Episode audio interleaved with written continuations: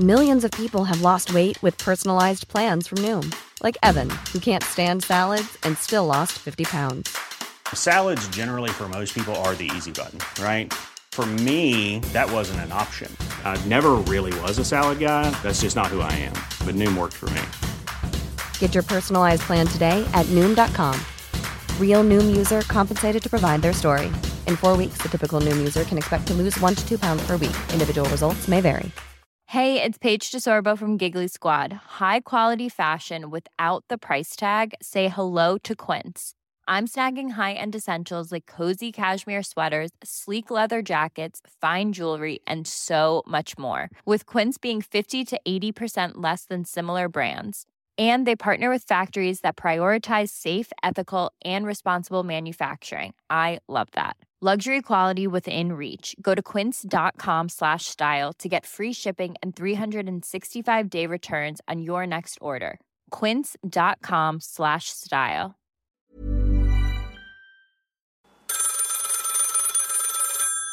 Nämen tjänare! Du har precis börjat lyssna på ett avsnitt av Bröta på. En väldigt göteborgsk historiepodd. Bröta på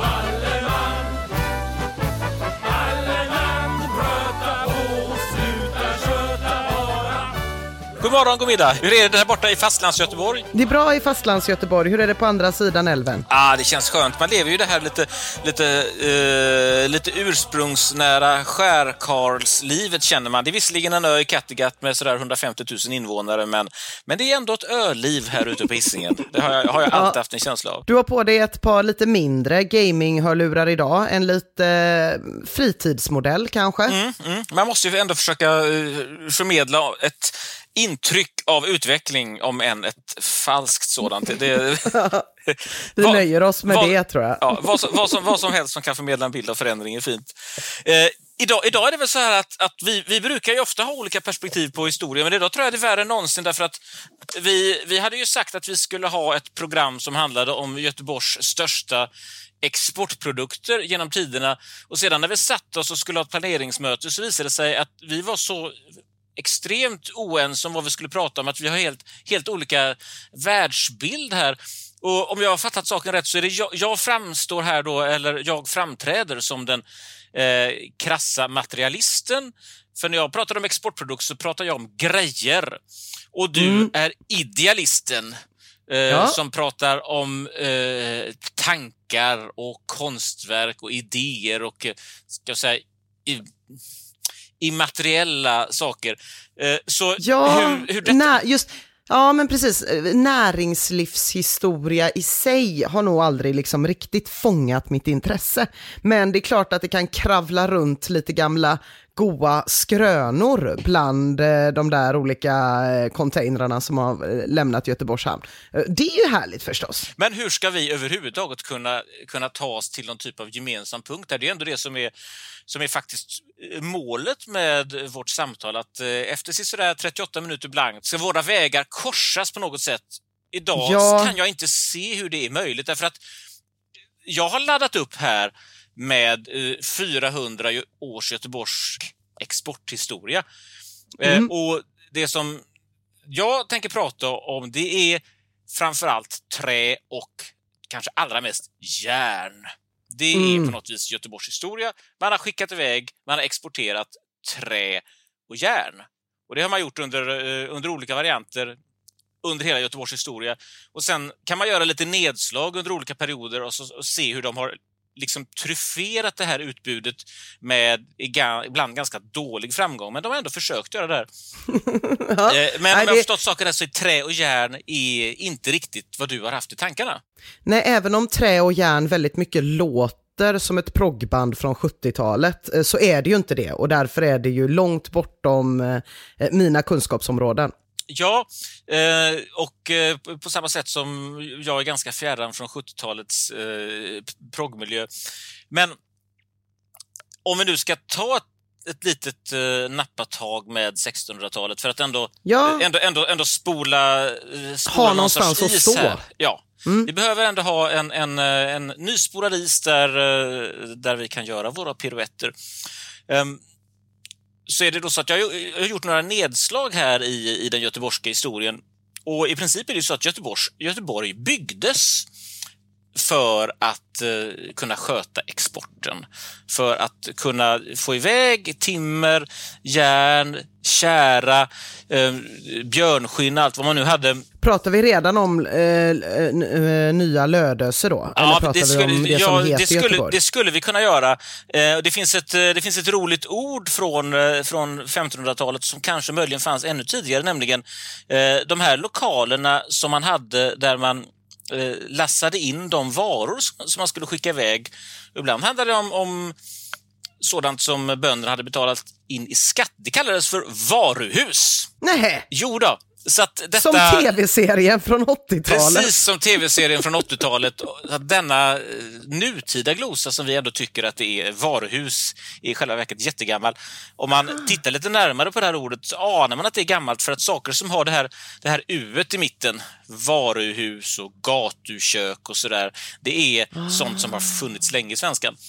Man kan, eh, man, kan, man kan ofta räkna ut när någonting har klivit in i svenskan.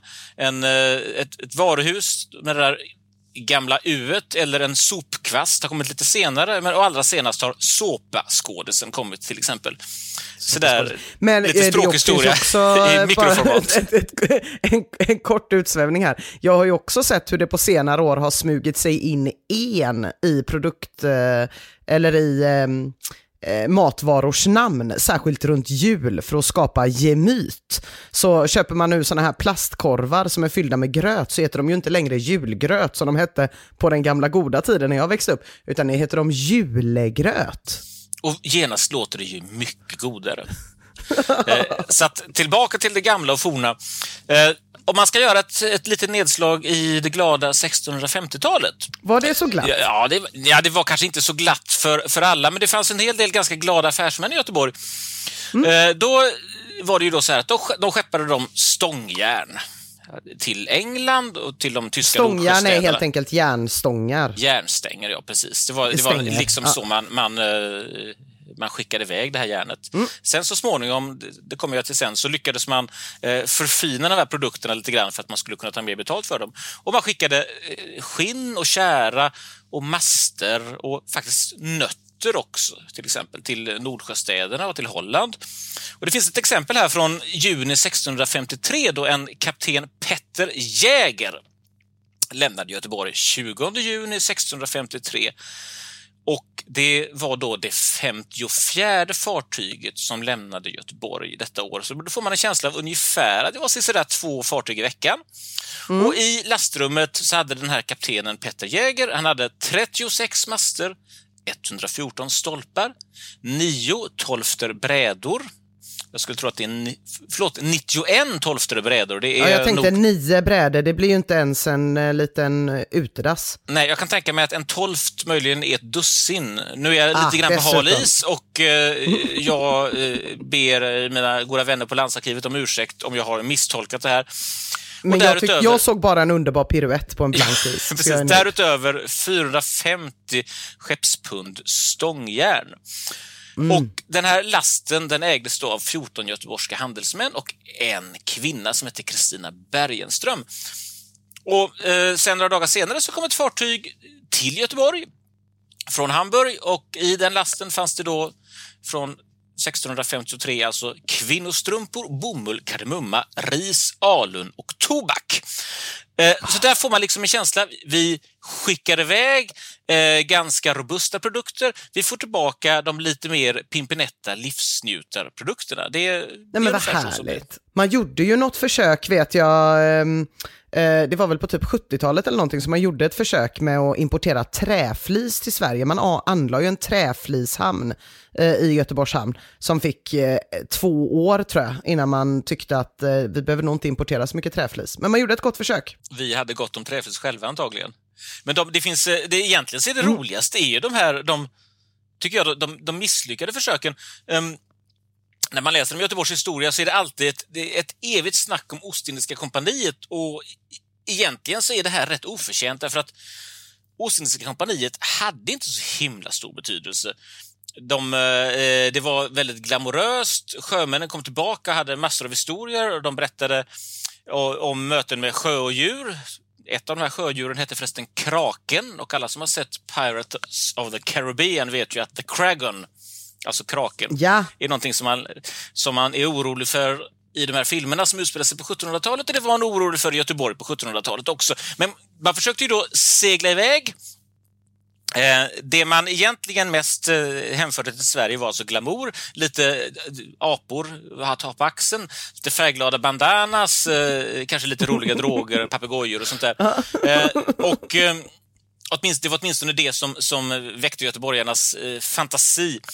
Eh, Sen så var det ju så här att, att det, det var en ganska knepig affär därför att man skulle, man skulle alltså då skicka iväg ett fartyg till Kina och så skulle man köpa av kineserna te och siden och porslin och Just en det. mystisk metall som de kallades, kallade för tuttanego och som alla undrat vad det egentligen var. Det var nog egentligen bara zink.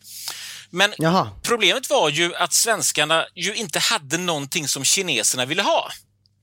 Ja. Så därför så måste man liksom fixa detta på vägen. Kineserna ville ha, de ville ha silver, det hade inte svenskarna. Så därför så gjorde, tog svenskarna en omväg, eller rättare sagt man stannade på vägen i Spanien och där försökte man sälja någonting till spanjorerna och så att man skulle få silver och sedan så sålde man då, eh, så hade man det här silvret för att köpa te och porslin i Kina. Men kruxet var ju att inte heller spanjorerna hade något som svenskarna ville ha egentligen. Nej. Eh, Överhuvudtaget så har, har, har, det, har det varit eh, ganska ofta så att, att grannländerna inte har riktigt värdesatt de här svenska produkterna så att man kan ana Men de det här låter ju som ett sånt här, du vet, fjärdepartsbyte av en hyresrätt. Ja. När det sitter någon med en etta med kokvrå någonstans i Partille och liksom vill komma åt en femma på Linnégatan och så bara ska de behöva hitta alla människor längs vägen som kan tänka sig, ja, jag får ont i huvudet av att tänka på det, men det lyckades man ju med några gånger i alla fall. Ja, och det, ja vilken, vilken gudomlig jämförelse. Det här är precis som ett hopplöst triangelbyte i Majorna 1993 när jag var student. Eh, det tedde sig fullständigt omöjligt, men det genomfördes faktiskt emellanåt. Så att svenskarna hade ju naturligtvis med sig det man kunde förvänta sig. De, de, det är klart att de hade med sig järn och timmer. Eh, men de försökte också att eh, piffa upp det här utbudet lite grann med madrasser och snören och bössor och lyktor och kikare och även läste jag någonstans kyrkorglar. Jag kan livligt föreställa mig att spanjorerna djupt föraktade hela det här svenska utbudet. Men på något vis, man fick ju igång det ändå. På något vis lyckades man ändå sälja grejerna. För att göra För att inte tala om vad kineserna hade sagt om man kom dragandes med någon gammal kyrkorgel från Seglora. Ja, man, und trodde man undrar ju. Jag skulle så gärna... Jag har den, här, eh, den här upplysningen om kyrkorgeln har jag läst i några sådana översiktsverk om Ostindiska kompaniet. Jag skulle så gärna vilja veta mer. Eh, kanske har det stått orgel istället för kyrkorgel, men det gör egentligen inte saken bättre. Men det som gjorde Nej. saken sämre för de här, för de här svenskarna som, eh, som gav sig iväg, de här göteborgarna då, där ju Niklas Sahlgren som som ju sedermera såg till att en del av förmögenheten blev det här Sahlgrenska sjukhuset. De tjänade massor av pengar, men de jobbade i ganska stadig motvind därför att politikerna på den tiden tyckte att det var en, en väldigt dålig idé att man från Sverige förde ut solida saker som järn och eventuellt i värsta fall silver eller guldmynt och så fick man tillbaka te, porslin och siden. Det vill säga, det som man skickade, Dekadens. precis, det man skickade iväg var sånt som var beständigt och som gjorde folk förmögna. Det man fick tillbaka var sånt som man slog sönder eller drack upp då, som i det här fallet med teet. Och så därför så, så, så var det, ansågs det väldigt suspekt. Det kallas för merkantilism, den här tanken att eh, man, man, aldrig, eh, man aldrig ska släppa iväg eh, nå, någonting som är värdefullare än det som, än det som, man, eh, som man släpper in. Eh, och eh, Det skapade en, en, en stor maffig röra. Men som jag sa nyss så var ju det här Ostindiska kompaniet det var ju egentligen liksom inte det som höll Göteborg igång på 1700-talet. Utan det som höll Göteborg Nej. igång var att de, de, det var mycket mindre glamorösa grejer. De, Var det sill? Åh, vad härligt att du tar upp sillen. Håll, sillen, håll sill i minne, Ina Lundström, så tar vi sillen om, om två minuter och 32 sekunder. Ehm, därför att de här, de här jordnära göteborgska handelsmännen, de satt ju då... De, de skickade brev till eh, kollegor i Visby, Hamburg, Amsterdam och Helsingör, Hamburg och Danzig och Bordeaux och sådär. Och så seglade de ut med, med naturligtvis det här järnet och träet, men också med tågvirke, alltså med rep och pottaska. Eh, som man hade, för, ja, hade det för att tvätta sig med, tror jag. Enbär, takrännor, baljor, och byttor och tråg. Och så seglade de tillbaka med salt och råg och tobak och lin och rysk hampa och sådär. Så att det var en, en blandning av grunkor. Det finns ett jättefint brev bevarat från 1780-talet där det är en göteborgsk köpman som heter Henry Greig som skriver ett brev till en köpman eh, i Providence på Rhode Island. Eh, och göteborgaren han skriver då till den här köpmannen Nicholas Brown på Rhode Island att eh, eh, vi, har, vi vill köpa grejer från er i Amerika. Vi vill gärna köpa, vi vill köpa tobak, vi vill köpa ris, vi vill, vi vill köpa kaffe, vi vill köpa socker. Och sen måste han ju ha något att sälja tillbaka då. Och då anar man liksom desperationen för han, ja vi har, vi har spik och vi har skyfflar och vi har stekpannor. Det är ungefär vad han kan erbjuda. Och sen är det så fint, eh, det här brevet, därför att det finns nämligen en väginstruktion. Han, och, ja, därför, det, är, det är helt enkelt så att på 1700-talet är det inte sådär fullständigt självklart hur du ska ta dig till Göteborg, utan det är en liten Nej. väginstruktion, precis som man, som man brukade ge till någon, någon faster som skulle komma ut till ett sommarställe.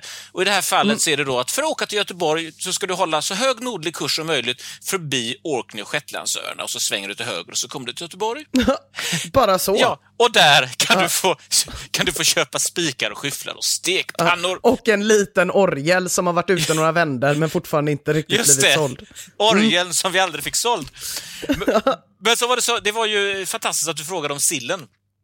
Ja, för jag tänkte det enda jag vet om göteborgsk export på 1700-talet, och det vet jag ju bara för att jag tycker att det är kul. Nej, det är inte 1700-tal, det är väl senare, men att det var så mycket sill här och att man kokade så mycket tran på det och att sillolja lös upp gatlyktor i London. Och det är ju en historia man som göteborgare tycker om, för det är att man tar någonting utav det mest grova och illaluktande man kan tänka sig, silltran, eh, och lyfter det till, jag ser framför mig att de lyser i någon sån här My Fair Lady-liknande kuliss eh, på de elegantare gatorna i London, i min fantasi då. Du har fullständigt rätt. Det, det, ehm, det här rekapitulerar du så väl att man nästan eh, skulle kunna misstänka att du har specialiserat sig på, på tranet. Jo, det är riktigt.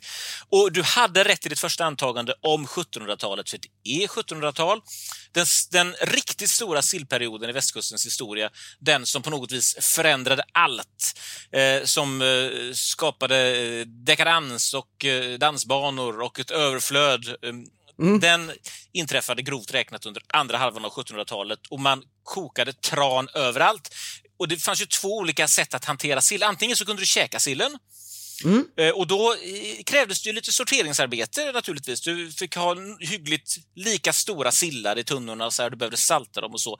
Eller också så kunde du bara vräka ner allt du fick i ett stort kar och så kokade du det och så skummade du av oljan och då fick du en bra och fin brännolja. Och precis som du säger, den här oljan användes i lampor över hela Europa, inte bara i London, utan jag, du tycker om att tänka dig tanken att det här är, som du kallar det för, en Fair Fair Lady-miljö i London med tranlampor. Det är en underbar tanke. Eh, De hade naturligtvis lampor med göteborgskt och bohuslänskt tran i London. Men man hade det även i Berlin och man hade det i Paris. Och man kan ju tänka sig, tänk dig franska revolutionen. Tänk dig den där natten när Robespierre hör hur de kommer den här gången för att hämta honom. Och han vet hur hans timmar är räknade och han tittar ut genom det här lite bubbliga fönstret och ser skimrande då i belysningen från det göteborgska tranet hur den franska revolutionen håller på att gå överstyr. Man kan tänka sig den här, hela det här franska upplysningsprojektet. Man pratar ju om upplysningstiden. Det är upplysning från Bohuslän, från Göteborg. Det är, Det är tranet. upplysning från Bohuslän. Ja. Hur skulle människor ha kunnat läsa Rousseaus skrifter om de inte hade lampolja att tända sina lampor med? Det hade aldrig gått. Nej. Och är det, är det möjligen så här att, att vi nästintill oavsiktligt nu hittade någon sorts gemensam mark här för våra resonemang? Därför att den, Eh, den, den här ganska triviala produkten sillolja är ju faktiskt någonting som då har eh, gagnat både litteraturen och idéspridningen och därmed så borde du ju kunna tycka att det är ganska okej. Okay. Ja, men precis. Jag, jag, blir, jag sitter riktigt och myser här, för jag tänker ju, alltså Eh, när det bara handlar om anonyma järnpålar som man inte vet någonting om, då är det ju inte så särskilt spännande. Den här orgen fastnade jag ju för förstås, för den sticker ju ut lite grann. Eh, nej men det är ju det här att visst, å ena sidan man kan titta på siffror och se hur många bilar Volvo har exporterat runt om i världen, men för mig är det ju större att Pelle Petter Pettersson eh, designade Volvo P1800, eller hur? Visst heter den så? Eh, som Helgonet sen körde och att Helgonets bil därför inte bara är ett Volvo utan dessutom designad av en göteborgare. Då, då får jag också sådana här silloljerysningar som jag numera har döpt om dem till. Ja, visst är det fantastiskt. Då kan jag nämna som, som, eh, som parentes att eh, den sista Dödsryckningen i sillolje, eller i alla fall fiskoljeindustrin, gjordes av eh, representanter från min egen familj som gick hårt in i en tranoljefabrik ungefär 1919. Eh, det, var, det var kanske inte den bästa timing man kan tänka sig med tanke på att världen då var, var på ganska god väg in i en mer oljebaserad tillvaro. Eh, mm. Men det, kanske, det är kanske så att eh, vi är mer ämnade för kåserade uppgifter än för att eh, sälja fiskolja. Ja, det är jag så, övertygad om. så kan det gå. Men, men eh, jag tycker att, att det finns också en... Eh, man får också hela tiden en känsla av lite obalans mellan export och import, inte när det gäller kostnader och volymer, utan att det faktiskt är så mycket roligare produkter som importeras än som exporteras. Ja, uh, men så är det ju väldigt mycket med när det gäller svenska liksom, råvaror. Ja, de råvarorna är ganska, de, de är, de är tunga och de är eh, lite tråkiga ur anekdotsynvinkel får man väl ändå säga. Ja, det finns ju alltid bättre historier och olika gömda insekter som kommer i containrar med bananer än vad det gör i containrar med trä. Ja, visst. Och det finns, nu, nu har vi när det gäller, eh, du slår det mig att när det gäller exporten av järn så finns det en fin historia som vi dock inte ska dra idag. Det handlar nämligen om, om järnkungen, järnexportkungen John Hall, eller John Hall den äldre, som byggde Gunnebo slott. Men den ah. berättelsen rymmer så mycket drama och så mycket romantik att den mm. kommer helt enkelt att vara värd ett eget program lite senare Gud, så spännande. Men mm. jag vill, innan vi lämnar 1700-talet fullständigt bakom oss här, så eh, vill jag bara snabbt um, rekapitulera vad en göteborgare vid namn Erik Sederburg skrev 1739 om mm -hmm. just det här med import och export. Eller jag tror att han, eh, han omedvetet så gestaltar han just det som vi har pratat om, nämligen att det är roligare saker som kommer hit än vad vi skickar iväg. Mm. Man, man kan nämna att Erik Cederburg, om man nu ska komma med en sån där upplysning i en teaterviskning, han var alltså den första göteborgare som skrev en bok om Göteborg som försökte sammanfatta liksom Göteborgs historia. Och han var dessutom hela tiden bitter och arg och ledsen för han ville bli borgmästare men han blev inte borgmästare. Det var ett jobb som var hans, tyckte han. Så därför gick han och var ständigt lite ledsen och han försökte mm. eh, han försökte också skriva den där boken och så småningom så brann nästan alla exemplaren upp och de som hade tecknat sig för exemplar de drog sig ur och så. Så han hade det motigt. Men han älskade Göteborg och han han skriver då om de här grejerna som kommer hit och det här är 1730-tal. Och den här listan är mycket roligare för det är ju då, han går ner och kikar i båtarna och då är det då, och det här är 1730-tal, tunnor med malt, havre, råg och vete från Skåne. Lin, vax och hampa från Reval, alltså Tallinn, och Riga. Mallagavin, pomerans, mandel, saffran, russin och olivolja från Spanien. Flanell, speglar, snusdosor, klockor och hattar hattar från England, solfjädrar, vita handskar, kammar, synålar, rödvin och ansjovis från Frankrike, sill, tegelsten och kaffe från Holland, tvål, såpa och silke från Italien. År 1731 skriver han, så hade någon med sig från Algeriet lejon och tigrar. Oj, det var väldigt tydligt samband med alltså ju längre bort från Sverige, ju intressantare saker. För när, när du började prata där om Skåne så kände man, ah, jag har fyra sädeslag. Hmm. Och sen så kom vi till Tallinn och det var ju också sådär va. Och sen kommer vi till Spanien, Då började det hända grejer. börjar det hända grejer. Och sen kommer vi till Frankrike och sen kommer vi till tigrar och lejon från Algeriet.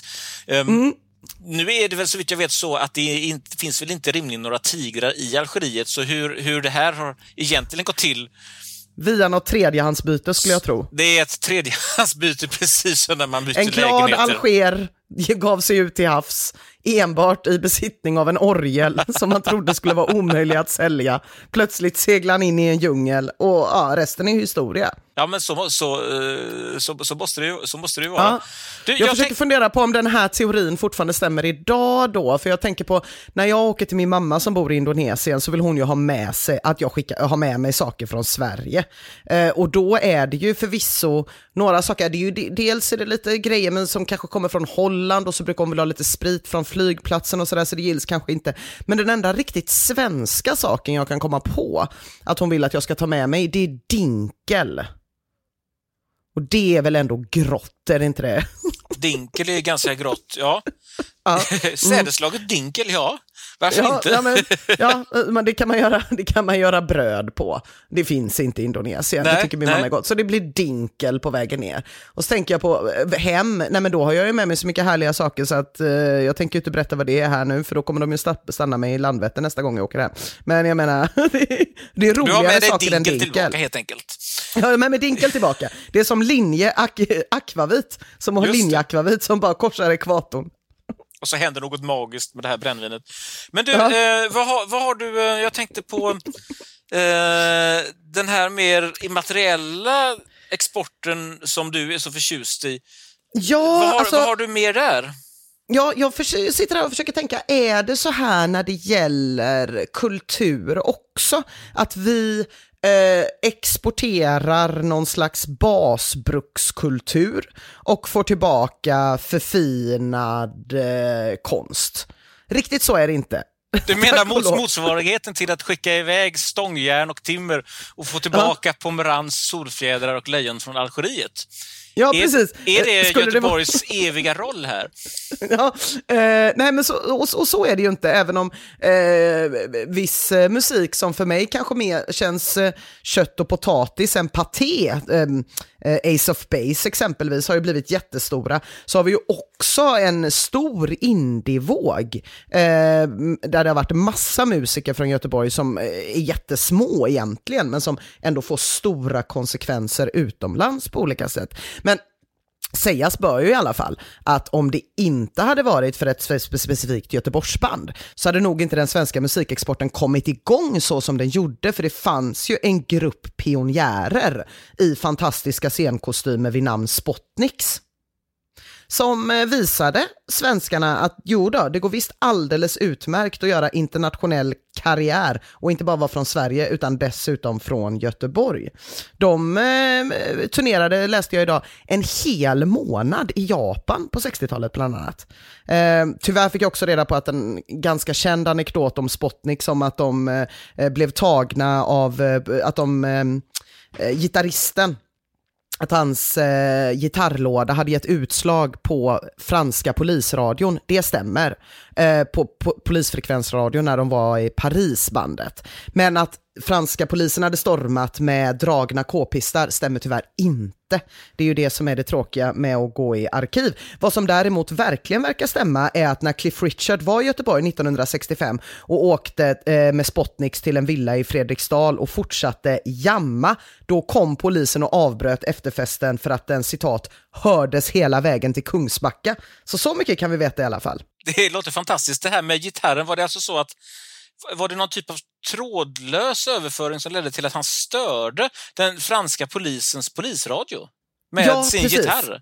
Med sin gitarr. Så att detta var ju då någonting som, och det, det finns eh, nedskrivet, så det tror jag på till 100% Liksom. Eh, men jag har alltid fått höra att det också ledde till att Spotniks, som ju känns som ett gäng rätt rara grabbar ändå, får man säga. Bob Lander gick ju bort tidigare i år, som egentligen hette Bo Starander, men som bytte till det här då lite mer internationellt klingande namnet. Eh, det, det, det, känns ju bara, tanken på, men man har ju också väldigt svårt att tänka sig Spotniks utan rymddräkterna trots att de ju inte alltid hade dem.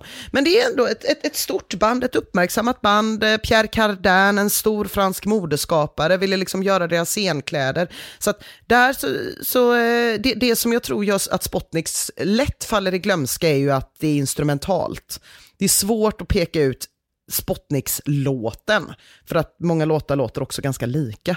Men du menar alltså att det svenska musikundret inte hade varit eh, lika, lika stort eller haft samma, samma magnifika genomslag om det inte vore för Spotnik?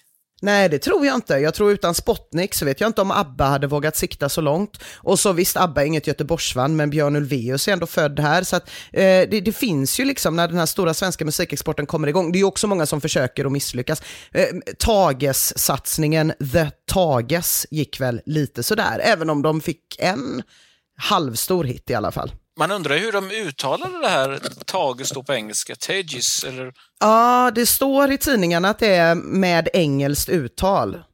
Vilket skulle kunna betyda nästan vad som helst i det här sammanhanget. Men, men för all del.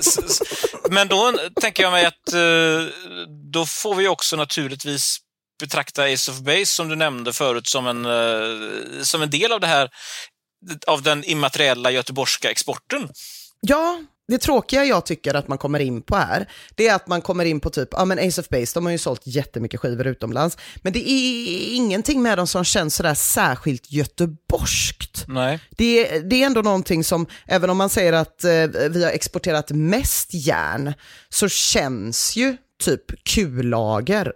Mm. Mer specifikt för oss. Och då mm. blir det någonting som man känner så här, men det är en export man vill lyfta fram. Jag tror skulle man vara helt ärlig så skulle ju kanske den största svenska exporten, i alla fall den senaste tiden, vara en YouTuber som heter Pewdiepie som har över 100 miljoner prenumeranter eller någonting helt sjukt i den stilen. Men det kan vi ju inte rimligen eh, förväntas bry oss om när personen i fråga inte bor i Göteborg och inte heller har liksom en stark Göteborgsprofil. Jag tror inte hans har, han har inte ens en spårvagn tror jag. Uh, nej, det är klart, men om Pewdiepie inte har någon spårvagn så är det väl, det är ju inte hans fel egentligen. Men nu, eh, när, får man väl säga. Uh, men när det gäller Pewdiepie så... skulle man kunna se är det klart att eh, man kan väl ändå så betrakta honom som en ganska betydelsefull göteborgsk kulturexport. Han svär ju åtminstone emellanåt på göteborgska. Vi ska väl förklara här för de, de medelålders eller drygt medelålders lyssnarna vem Pewdiepie är. Det är alltså en Örgryte-kille som heter Felix Kjellberg, tror jag. Han, eh, han spelar spel på internet eh, och eh, de eh, spelen kan heta, det kan vara Fortnite och sånt där. Och så får han, kan man på en skärm följa inte bara hans framfart i spelet utan också hur han själv reagerar och det gör han då väldigt expressivt och ibland svär han på svenska. Och han har ungefär 100 miljoner regelbundna tittare, alltså sådana som följer honom hela tiden. Och har ju varit den största YouTube-kanalen ända fram tills för ungefär ett halvår sedan när det var en stor indisk kanal som gick om. Men det betyder också att mellan, om man tänker att YouTube är en av de absolut största, alltså det kanske är det stället som flest människor tar del av media och kultur och musik på i världen så hade han det största kontot där från 2013 fram till 2019. Så han har liksom dominerat den största plattformen under väldigt många år. Men samtidigt, jag vill ju hellre prata om Spotniks. Ja, jag förstår det. Jag förstår det, det, men, finns men... ju någonting i det som... Nej, men, eh, om, men, men om, vi ska, om vi ska försöka hitta någonting som ändå känns väldigt göteborgskt, så tänker jag på eh, hårdrock snarare, kanske. Ja. Alltså att hela den så här, någon slags melodisk metal-scen, som inte heller jag är något jättestort fan av. Men jag vet ju att till exempel In Flames har sålt över 2,5 miljon skivor. Och det jag vet också är att det finns någonting som heter Gothenburg metal och det är ändå lite kul. Och i, jag tror att chansen om man är utomlands och säger att man är från Gothenburg, att någon kopplar det till heavy metal är nog större än att de kopplade till Pewdiepie. Ja, det kan jag gå med på. Nu eh, vill jag ju hellre prata, som du vet, om timmer och stångjärn eh, och eh, eventuellt en förkommen kyrkorgel på 1700-talet. Eh, men om vi nu ändå ska Som prata... kanske la grunden för Spotnik Sound. Just det, Vi just det. inte. Men, men om vi ändå ska gå in på det här, på det här immateriella spåret, de här idéerna och den konstnärliga exporten som vi vill få kalla då Spotniks och eh, Pewdiepie i eh, någon mån och eh, då Ace of Base, så tycker jag ändå att du är inne på något intressant när du försöker att resonera om huruvida något inte bara måste vara ursprungligen från Göteborg utan också måste bära en göteborgsk prägel. Och det finns ju ytterligare en komplikation här och det är ju att när någonting bär en göteborgsk prägel, om man nu tar en, den artist som ju eh, är kanske det största namnet idag som vi inte har nämnt, nämligen Håkan Hellström, så är ju Håkan Hellström en, eh, han är ju en, en, en enastående återberättare och liksom katalysator för det göteborgska temperamentet. Det finns ju inte någon samtida författare som har skapat bilden av Göteborg för eh, minst en generation göteborgare i så hög utsträckning som Håkan Hellström. Men på samma sätt som man kan säga att eh, 1850 så levde Londonborna i Dickens London och 1970 så levde stockholmarna i Cornelis Vreeswijks Stockholm så är ju naturligtvis 2010-talet kommer att för framtidens litteraturvetare att vara Håkan Hellströms Göteborg. Det eh, kan vi nog med ganska stor säkerhet fastslå. Så att, att hans betydelse är enorm, det är ju naturligtvis självklart. Men han går ju inte på export. Möjligen till Norge. Nej men precis, ja och han kan ju spela i New York för att det finns så många svenskar Ja, i New ja, York som ja. vill gå och titta på honom, eller i London. Men precis, det är ju inte som att det finns en egen internationell publik. Nej, nej. Så hur liten The Tage sen eh, hade, hur liten internationell publik The Tage sen hade, så var ju ändå det större. Ja, så att, så att Håkan Hellström hamnade i ett väldigt eh, intressant limbo här, nämligen att han, han är han är, ju, han, är ju, han är ju ett så stort namn att eh, jag har en kompis som berättar att eh, när Håkan Hellström en dag klev in på ett café så tystnade allt.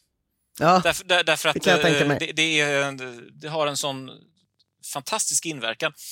Mm. Ehm, men, men som sagt var, för till exempel den brittiska publiken eh, kan jag tänka mig att Håkan Hellström inte behöver känna sig eh, jagad av fans eh, vid eh, Trafalgar Square till exempel. Nej, nej men precis. Alf Robertson däremot, eh, han blev ju kanske inte jagad utav fans, men när Alf Robertson spelade in i Nashville och bodde där under en period, då var det ganska snyggt. Han hade mycket tät kontakt med Bobby Bear, som kanske, ja, en countrysångare som har skrivit väldigt många låtar också åt andra countrysångare.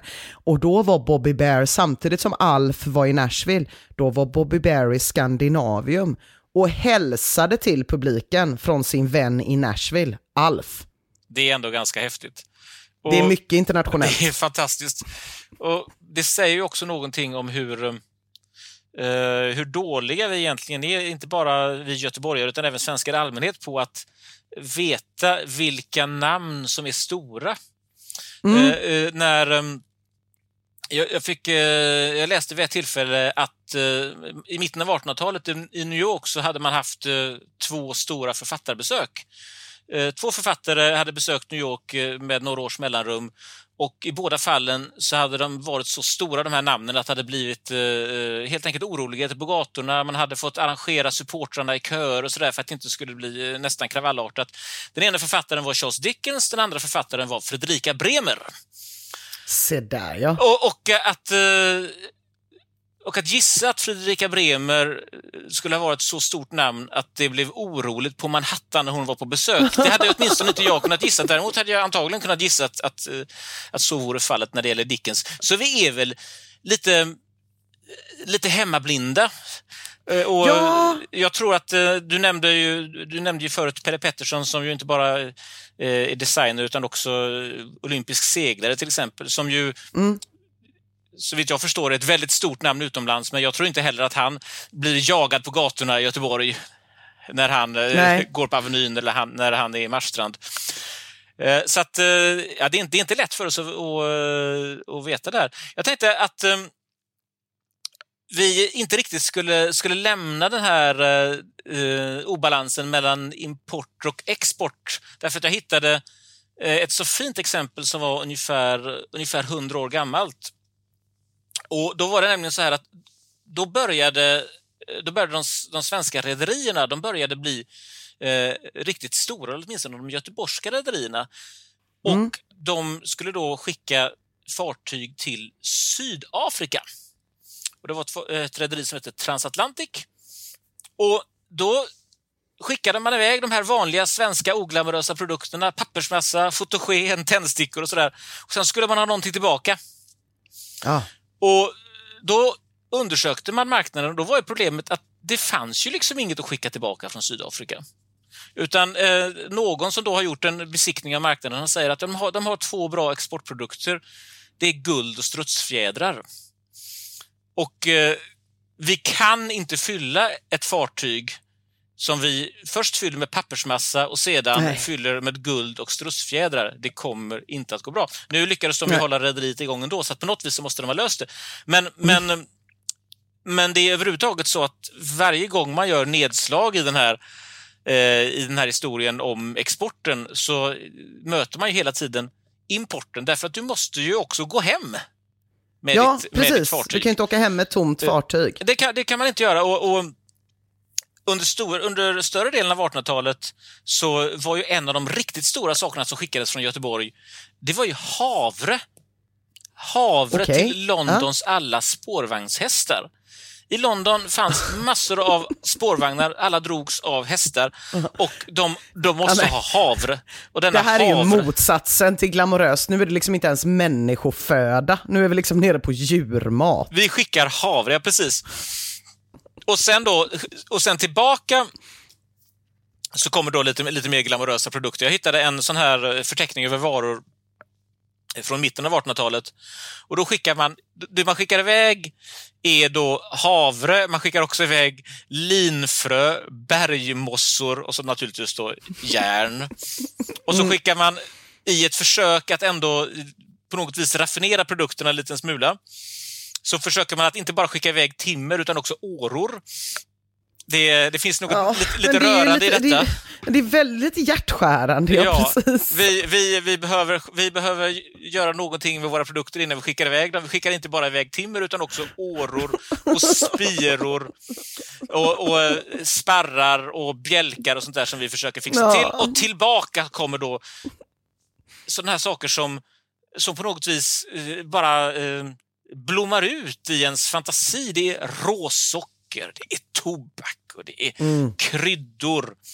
Det är tvål, det är risgryn. Och man kan till och med se att den här, det här är, det är tvål och risgryn från Barclay och Company i Boston. Eh, man kan det är salt från Torrevecchio i, eh, i Italien. Ja, och så kommer man där med några åror från Lilla Ja. Edet. Så kommer man med några år från Lilla Edet, ja precis. Men när blir det då så, för att, eh, ja, nej det här är lite, lite ledsamt på något vis, men om jag tänker spontant på Göteborgsk export, då tänker jag ju på ganska förädlade grejer, alltså, jag, men det är väl för att jag är född på 80-talet Mm. som jag tänker på liksom bilar, kullager, kameror.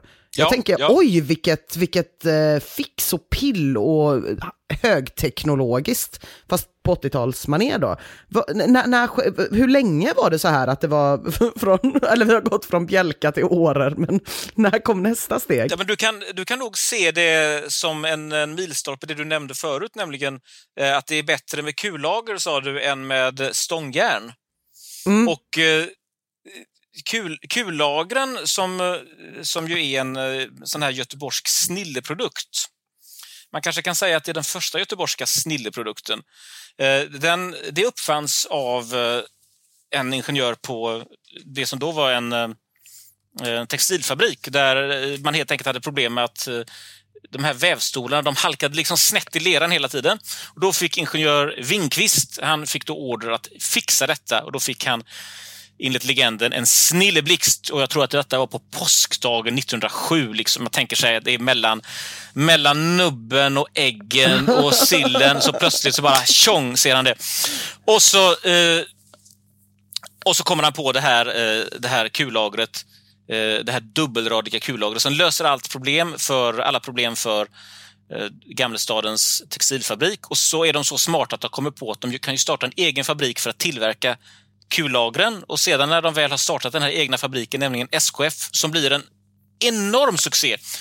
Och eh, de startar ju fabriker över hela världen. Det går, på bara några år så är det tiotusentals anställda och SKF erövrar världen. Och där har de på SKF en ägghandlare från Skaraborg eh, som heter Assar Gabrielsson och denne ägghandlare han vill göra business och kommer på att man kan väl använda de här kullagren till någonting.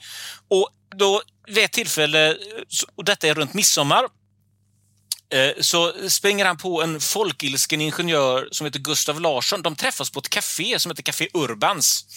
Mm. Bara springer på varandra. Och Gustav Larsson har bråttom för han ska iväg till sin sommarstuga i Trosa. Men de hinner bara blixtsnabbt komma på att de ska starta en bilfabrik och det gör de då, Volvo. Med de oh. kullager som, uh. som Winkvist hade uppfunnit. Så att, det här är då, precis som du säger, en helt annan typ av export. Och ja. även om många av kullagren tillverkades utomlands så är ju detta då en, en, en snilleindustri. Och där kan man ju se att Göteborg under 1900-talet har tagit flera sådana kliv. På, på senare år har vi ju de här titanimplantaten för tänder till exempel. Det kallas väl för Brånemark-metoden och så. Och, och som du nämnde Hasselbladskamerorna där mm. Eh, det här Göteborgsföretaget Hasselblad eh, under flera decennier gjorde de bästa och mest avancerade kamerorna och de kameror som var så goda att när NASA skulle skicka astronauter till månen så behövde man någonting som endast kunde vara det bästa och då var det de göteborgska Hasselblad-kamerorna. Vi har, har också naturligtvis eh, eh hela läkemedelsindustrin i, i Mölndal som ju också är en, ja. en göteborgsk snillindustri. Så det, det är en helt annan det blir en helt annan berättelse, framförallt efter andra världskriget. Och kanske är det så det. Att, att det är där de här, våra berättelser eller våra världsbilder möts, därför att det man då exporterar är ju, um, är ju inte en liten tablett eller en liten lins, utan en idé i första hand. En snilleblixt. Uh, en, um, någonting som någon har tänkt. Och då ligger vi ganska nära det som du, uh, det som du framhöll, nämligen att, att det som är värt någonting som skickas från Göteborg är uh, det som den blixt som har slagit upp i någons hjärna, ett konstnärligt verk eller en uppfinning eller en tanke eller ett hugskott eller, eller ja. vad, det, vad, det, vad det nu kan vara. Att, att det egentligen är så här att, att även om det är ett tandimplantat eller Pewdiepie eller Spotniks mm. så är det trots allt så att eh, det är inte eh, tyngden och volymen av en tum, tung timmerstock eller ett tungt stycke stångjärn som betyder någonting, utan det är den förädlade idén. Ja, det är den förädlade idén och jag, jag tycker ju om väldigt mycket när de här möts lite grann, när man känner att så här, ja men varför brinner jag mycket mer för SKF än för jag, vad jag gör för några, än för titanimplantat? Ja men det är ju för att det finns ju en hållplats som heter efter SKF. Eh, som sagt, det finns ingen spårvagn med Pewdiepies namn på mig veteligen. Det finns ju eh, en byggnad som är SKF-byggnaden, även om det finns massor av SKF på andra ställen. Framförallt så finns det ju låtar som människor som har jobbat på SKF har skrivit. Cornelis har sjungit låtar om att stå bredvid Britt på bandet vid Volvo 62 och alla de här sakerna gör ju att jag säger, jo men de här industrierna kan jag verkligen ta till mig. Och om man då ska vara lite modern så kanske jag nästa, jo men jag skulle nog säga att det är mitt favoritexempel, så är det Jens Lekman som tillhör den här då indievågen av musiker från Göteborg som är enormt stora inom sin grupp utomlands. Kan turnera hur länge som helst, skulle aldrig behöva sätta sin fot på Sverige svensk mark igen om han inte skulle vilja. Som när visserligen inte den göteborgska industrin, men ändå någonting som påverkar Göteborg mycket, filmindustrin i Trollhättan. Eh, I mötet mellan de här då, när eh, Lars von Trier är här för att spela in Melancholia Melancholia måste det vara, eh, i Trollhättan. Och man kan se lite internationella kändisar springa runt på stan som ska vara med i den här filmen. Däribland Kirsten Dunst. Då råkar jag veta så att på en av mina gamla arbetsplatser, Hagabions café i Göteborg, så kom Kirsten Dunst till en person som jobbar där, som fortfarande jobbar kvar, och frågade eh, Do you know where Kino is? Kino, is this Kino? För att källaren där på Hagabion kallades Kino. Men den här eh, personen som jobbade kände varken igen Kirsten Dunst eller visste vad Kino, Kino var för någonting. Alltså Kino vet man ju vad det är. Det är ju källan på Hagabion. Men Kino, inte hört talas om. Viftade lite slött med handen uppåt Linnégatan och sa maybe that way. Gick in igen. Oklart hur denna historia, som jag har förstahandskälla på från personen som jobbar på Hagabion, har hamnat i Jens Lekmans händer. Men han har ju skrivit en låt om det här. Och någonting han gör väldigt bra, det är att han blandar in riktiga göteborgska stadsdelsnamn i sina engelska låtar. Och han sjunger i den låten om, att, eh, om hur Gothenburg behandlar Kirsten Dunst som något slags bevis på hur det göteborgska lynnet är, att vi inte släpper fram folk i krogköer framför oss. Kanske kan det vara någon gliring mot någon stad i Sverige som vi känner till som gör det. Och, och då någonstans känner jag så här, det här är göteborgsk export i alla fall så som jag vill att den ska vara hela tiden. Men det, det tycker jag, jag... Jag tror att jag ändå ser att nu har vi någon... Här har vi den gemensamma, den gemensamma plattformen. Här kan, här kan tre, eh, tre strömmar av idéer mötas. Därför att um, jag vill ju slå ett slag för den här eh, mer materialistiska synen på vad som är en, en exportvara, nämligen järn och timmer. Eh, du, inte proggbandet som inte finns. icke det proggband som vi så gärna skulle önska funnits. Proggbandet järn och timmer. Du eh, och din sida du står ett slag för den, den göteborgska konstnärligheten, den kreativa ådran och det i du har ju tecknat en väldigt, väldigt bred bild av konstnärlighet. Eh, från eh, att designa Volvobilar till att Jens Lekman skriver låtar som sätter Kortedala på världskartan. Och eh, samtidigt så flyter detta i någon mån ihop med den här eh, den göteborgska snillindustrin som, som kliver in på, eh, på, på 1900-talet. Um, ehm, så jag känner att det vi, det vi landar i är väl att det här är och så länge vi inte behöver stava till det så kan vi vara överens. Vi, kan vi enas om att det här är en fråga om, nu säger jag det, hjärnkapacitet?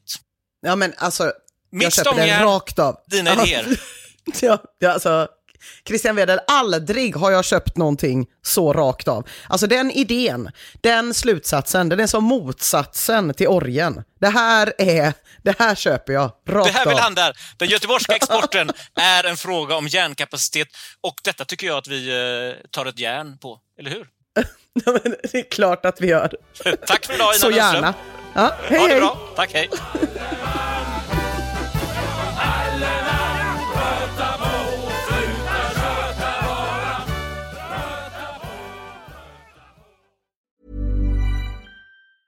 Hi, I'm Daniel, founder of Pretty Litter. Did you know cats tend to hide symptoms of sickness and pain? I learned this the hard way after losing my cat, Gingy. So I created Pretty Litter, a health monitoring litter that helps detect early signs of illness by changing colors, saving you money and potentially your cat's life. Pretty Litter is veterinarian developed, and it's the easiest way to keep tabs on your fur baby's health right at home. Go to prettylitter.com and use code ACAST for 20% off your first order and a free cat toy. Terms and conditions apply. See site for details. Even when we're on a budget, we still deserve nice things. Quince is a place to scoop up stunning high end goods for 50 to 80% less than similar brands. They have buttery soft cashmere sweaters starting at $50, luxurious Italian leather bags, and so much more. Plus, Quince only works with factories that use safe, ethical, and responsible manufacturing. Get the high-end goods you'll love without the high price tag with Quince. Go to quince.com/style for free shipping and 365-day returns.